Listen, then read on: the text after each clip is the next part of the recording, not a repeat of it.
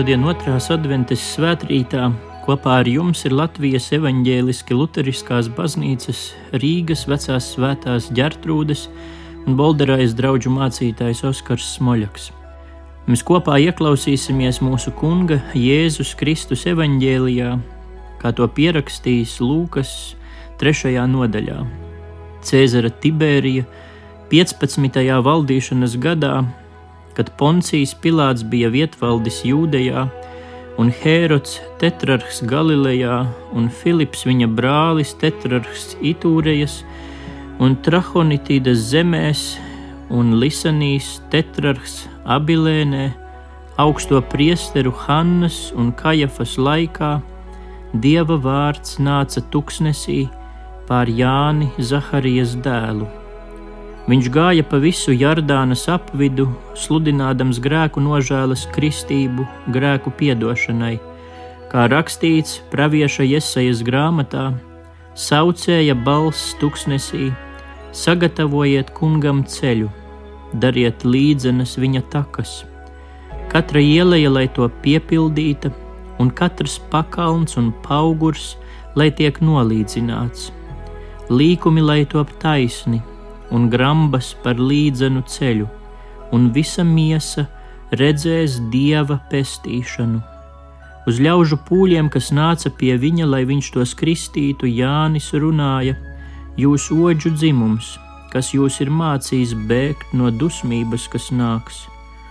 Tad nu nesiet cienīgus atgriešanās augļus, un nesāciet viens otram atkal teikt, mums Ābrahams ir tēvs Es jums saku, Dievs spēja no šiem akmeņiem radīt Ābrahama bērnus. Cirvis jau pielikts kokiem pie saknes. Katrs koks, kas nenes labus augļus, tiek nocirsts un iemests ugunī. Kad ļaudis gaidīdami savās sirdīs domāja par Jāni, vai tikai viņš nav Kristus, Jānis viņiem atbildēja: Es jūs gan kristīju ūdenī, bet nāks kāds spēcīgāks par mani, kam es nesmu cienīgs atraisīt sandaļu siksnas. Viņš jūs kristīs svētajā garā un ugunī.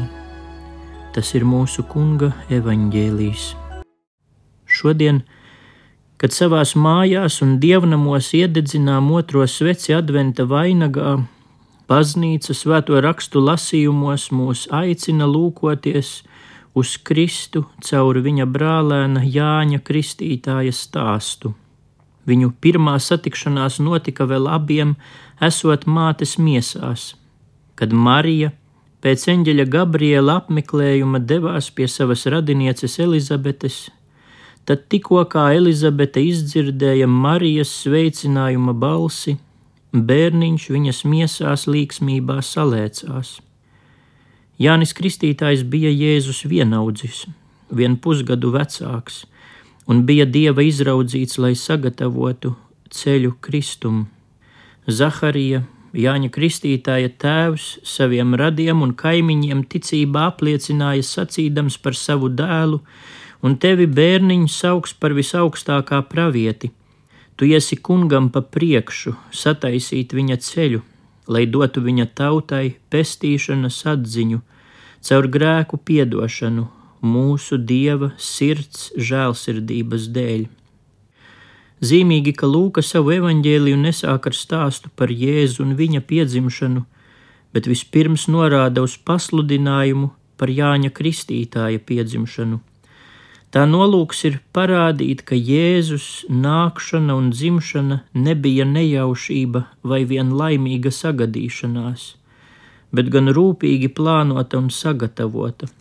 Ziemassvētki nebija pēkšņa dieva ideja pirms aptuveni 2022 gadiem. Tas nebija dieva plāns B vai C, kad visi citi plāni izjukuši. Dievam bija un ir tikai viens vienīgs plāns attiecībā pret cilvēku - būt tuvu cilvēkam un ļaut cilvēkam būt tuvu sev. Un Ziemassvētki ir daļa no šī paša viena vienīgā dieva plāna, kas pastāv jau kopš mūžības iesākuma. Lai arī pirmie cilvēki, Ādams un Ieva, izvēlējās šo dieva skaisto un brīnišķīgo ieceri ievainot, Advents un Ziemassvētki vēstīja, ka Dievs neatkāpjas no sava plāna. Viņš nemaina to. Jau tur ēdenē Dievs deva apsolījumu sacīdams čūskai, kas pievīla cilvēku, es celšu ienaidu starp tevi un sievu, starp tavu pēcnācēju un viņas pēcnācēju. Viņš tev sadragās galvu, bet tu viņam sadzelsi papēdi. Kristus nākšana cilvēka miesā šajā pasaulē realizē un piepilda Dieva pirmo un vienīgo plānu - būt tuvu cilvēkam un ļaut cilvēkam būt tuvu Dievam. Ir jāiegulda liels darbs un pūles, lai sagatavotu kāda svarīga cilvēka vizīti. Kristus nākšana ir pasaulē visilgāk un rūpīgāk gatavotā vizīte, ar nepārspējamu cilvēku daudzumu, kas iesaistīti tās sagatavošanā. Tas rāda un apliecina, nav neviena lielāka, varenāka un svarīgāka par viņu. Nav neviena cita būtiskāka un vajadzīgāka atnākšana šajā pasaulē, kā Kristus atnākšana. Un Jāņa Kristītāja dzīves misija bija kā pēdējam no praviešiem piedalīties šīs visnozīmīgākās atnākšanas sagatavošanā. Jānis Kristītājs nebūtu nebija vienkārša personība. Viņš ar savu dzīvesveidu un rīcību nekā neierakstījās kopējā masā, Jānis valkāja kamieļu vilnas drēbes un ādas jostu ap gurniem, viņa barība bija siseņi un sauvaļas bišu medus. Šādu Jāņa Kristītāju portretu ieskicē Matejs, taču vēl izaicinošāki par izskatu bija viņa vārdi, ar kādiem viņš vērsās pie jūdu tautas. Jāņa Kristītāja nolūks nebija iederēties, bet viņš ļāva dievam sevi lietot, lai caur to izcelts tiktu tas, kuram ceļu viņš gatavoja. Es jūs kristīju ūdenī, bet nāks kāds spēcīgāks par mani, kam es nesmu cienīgs atraisīt sandaļu siksnas. Viņš jūs kristīs svētajā garā un ugunī. Tā Jānis Kristītājs atbildēja tiem, kas domāja, vai tikai viņš pats nav Kristus. Nereizi vien Jānis Kristītājs nonāca situācijā, kur viņam bija iespēja uzņemties kaut ko no tā goda un slavas, kas pienācās Kristum, kur viņa atnākšanu gribēja saistīt ar gaidīto mesiju. Tomēr visā Jāņa Kristītāja dzīvē un kalpošanā mēs redzam, ka viņš nevienā brīdī nenostājās priekšā tam, kuram ceļu sagatavot bija aicināts un nepiesavinājās neko no goda un slavas, kas piederēja Kristum. Viņš sacīja, viņam tas ir Kristum vajag augt, bet man iet mazumā. Jānis Kristītājs pats savu sūtību salīdzināja ar līgavaina drauga lomu. Tas, kam ir līgava, ir līgavainis, bet līgavaina draugs stāvēdams klāt un viņu dzirdēdams ar lielu prieku priecājas par līga vaņa balsi. Nu šis mans prieks ir piepildījies. Jānis Kristītājs piedalās Dieva plānā bildināt cilvēci, tomēr nestājas priekšā līga vainim. Lūk, ticība un kalpošana, kuras gaismā arī mēs katrs esam aicināti izlūkot un izzināt savu sirdi un savu rīcību vai es netīkoju pēc goda, kurš pienākas manam kungam, vai nenostājos viņam priekšā un nelaupu viņa slavu. Neviļus gribas jautāt, kā Jānis Kristītājs iemantoja tādu kalpošanas dzidrumu, brīvību no jebkādas vēlmes pašapliecināties un gūt kādu atzinību, kā iemantoja tik lielu drosmi izaicināt tā laika varenos un ietekmīgos. Šīs dienas evaņģēlija lasījums iesākās ar saudabīgu aprakstu. Cēzara Tibērija 15. valdīšanas gadā, kad Poncijas Pilāts bija vietvaldis Jūdejā un Hērods tetrarhs Galilejā, un Filips viņa brālis, tetrarhs Itūrejas un Trahonitīdas zemēs un Lisanijas tetrarhs Abilēnē augsto priesteru Hannas un Kajafas laikā Dieva vārds nāca tuksnesī pār Jāni Zaharijas dēlu. Pirmkārt, šis ievads ar vēsturiskajām norādēm par laiku, kad sākās Jāņa Kristītāja sludināšana, mums vēlreiz norāda, šis stāsts ir īsts. Evanģēlijas, ko lasām, ir patiesība. Tā nav pamācoša fabula vai labestīga pasaka vai teika, bet patiess, īsts notikums pasaules vēsturē. Šīs norādes mums palīdz saprast, ka Jānis Kristītājs savu publisko kalpošanu sāk apmēram 28. vai 29. gadā, ļoti īsi pirms Jēzus publiskās darbības uzsākšanas, un tam bija ļoti nozīmīgs sākums. Dieva vārds nāca tuksnesī pār Jāni Zaharijas dēlu Šajā vienā pantā ir divi nozīmīgi aspekti.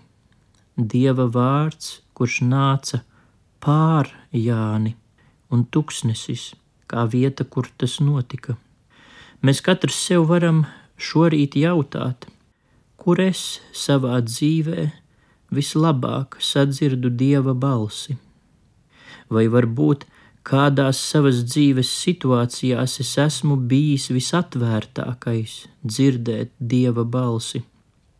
Lai arī Jāņa Kristītāja dzīvesveids un iespējams viņa piederība esēņu kopienai viņu saistīja ar tuksnesi tīri fiziskā nozīmē, taču iespējams stāsts nav tikai par fizisku tuksnesi. Šī rakstu vieta mums grib atgādināt to, ka nereti mēs vislabāk varam sadzirdēt Dievu tieši tur, kur mēs vislabprātāk neatrastos.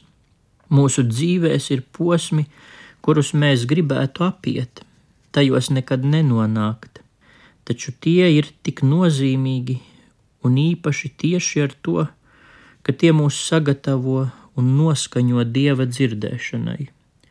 Tur mēs kļūstam jūtīgāki un atvērtāki lai taptu dieva uzrunāti. Daudz izšķiroši un svarīgi notikumi Bībelē notiek tieši tuksnesī. Hozejas grāmatā tiek aprakstīts, ka tuksnesis ir vieta, kur Dievs īpaši vēlas tuvoties savai tautai. Tādēļ redzi, es viņu aizvilināšu, aizvedīšu tuksnesī un uzrunāšu tās sirdi. Varbūt arī tu Šobrīd esi kādā dzīves posmā vai situācijā, kuru gribētu apiet, izdzēst no savas dzīves, ātrāk tikt tai cauri. Taču atceries, ka Dievs var īpaši uzrunāt mūsu sirdi tieši tur, kur mēs labprāt neatrastos. Tieši savas dzīves tuksnešos mēs esam visgatavākie atļaut Dieva vārdam nostāties pār mums. Citviet bieži Dieva vārds paiet mums garām, vai precīzāk, mēs paši paejam tam garām, bet tuksnesī mēs esam gatavāki ļaut Dieva vārdam būt pār mums. Tā ir vieta, kurā mums ir iespēja turēt Dieva vārdu virs mums un nevis zem mums, pakļauties Dieva vārdam, nevis to pakļaut sev ļaut Dieva vārdam būt pār mums, tas nozīmē ļaut Dieva vārdam ietekmēt un veidot manu dzīvi, manas izvēles, manas attiecības.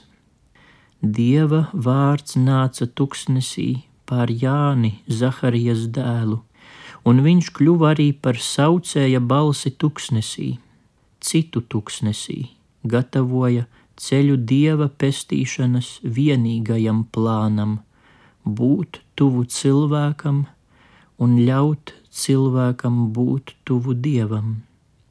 Būt tuksnesī ir grūti, tur ir sausums un slāpes, un kādreiz liekas, ka no tuksneša ārā nav ceļa. Ir kāds stāsts par kādu izcilu šaha spēlētāju, kurš apmeklēja slaveno Luvras muzeju un tur viņa uzmanību ārkārtīgi piesaistīja kāda glezna, kurā attēloti divi šaha spēlētāji. Viens no tiem sātans, kā pašpārliecināts uzvarētājs, un iepretim viņam kāds vīrs, kurš noskumis un iebiedēts. Gleznas apakšā bija uzraksts šahs un mats. Jeb spēle beigusies. Mats ir situācija šahā, kad karalis ir apdraudēts un nav iespējams apdraudējumu novērst. Šaha spēlē karalis nekad netiek nokauts. Spēle beidzas, kad karalim ir pieteikts mats. Sātans ir uzvarējis to vēstieši glezna. Taču šis šaha spēlētājs apsēdās un pētīja šo gleznu kādas četras stundas, rūpīgi skatījās, kas attēlots uz šaha galdiņa, un tad pēkšņi piecēlās, paspēra kādu soli atpakaļ, un viņa sejā parādījās plats smaids. Nav tiesa, nepareizi, ir jāmeklē gleznas autors, tur nav mats, karalim ir vēl viens gājiens. Tā bija Jāņa Kristītāja vēsts tuksnesī. Nav šahs un mats. Karalim ir vēl viens gājiens. Tā ir adventa vēsts karalim ir vēl viens gājiens. Varbūt tu esi savā tuksnesī, savā situācijā, kur tevi nomāc tavas problēmas, un tev šķiet, ka esi pieveikts un uzvarēts, ienaidnieka aplenkts. Tad, lai arī tavā dzīvē šodien atskan adventa labā vēsts, saucēja balss tuksnesī, Dievam pieder pēdējais gājiens, un lai notiek arī mēs paši tu un es kļūstam par šādas cerības balsi citu dzīvju tuksnešos, un esam ceļa sagatavotāji kungam, kuram vienmēr pieder pēdējais gājiens. Lūksim! Ak, svētā gudrība, ak, spēka kungs, ak, jēzus atvase, ak, Dāvida atslēga, ak, rīta zvaigzne! Ak, tautu cerība, ak, Imānuēl, nāc, Kungs, Jēzu. Mūsu Tēvs debesīs, svētīts lai top tavs vārds, lai nāk tava valstība, tavs prāts, lai notiek kā debesīs, tā arī virs zemes. Mūsu dienascho maizi dod mums šodien, un piedod mums mūsu parādus, kā arī mēs piedodam saviem parādniekiem un neieved mūsu kārdināšanā, bet atpestī mūs no ļaunā, jo tev pieder valstība, spēks un gods mūžīgi mūžos. Āmen! Lai mūs visus sargā un svētī visu varenais Dievs, Tēvs un Dēls un Svētais Gars. Ar jums kopā šorīt bija Latvijas evaņģēliska luteriskās baznīcas Rīgas vecās svētās ģertrūdes un Bolderājas draugu mācītājs Oskars Smoļaks. Svētīgu jums šo dienu un adventa laiku!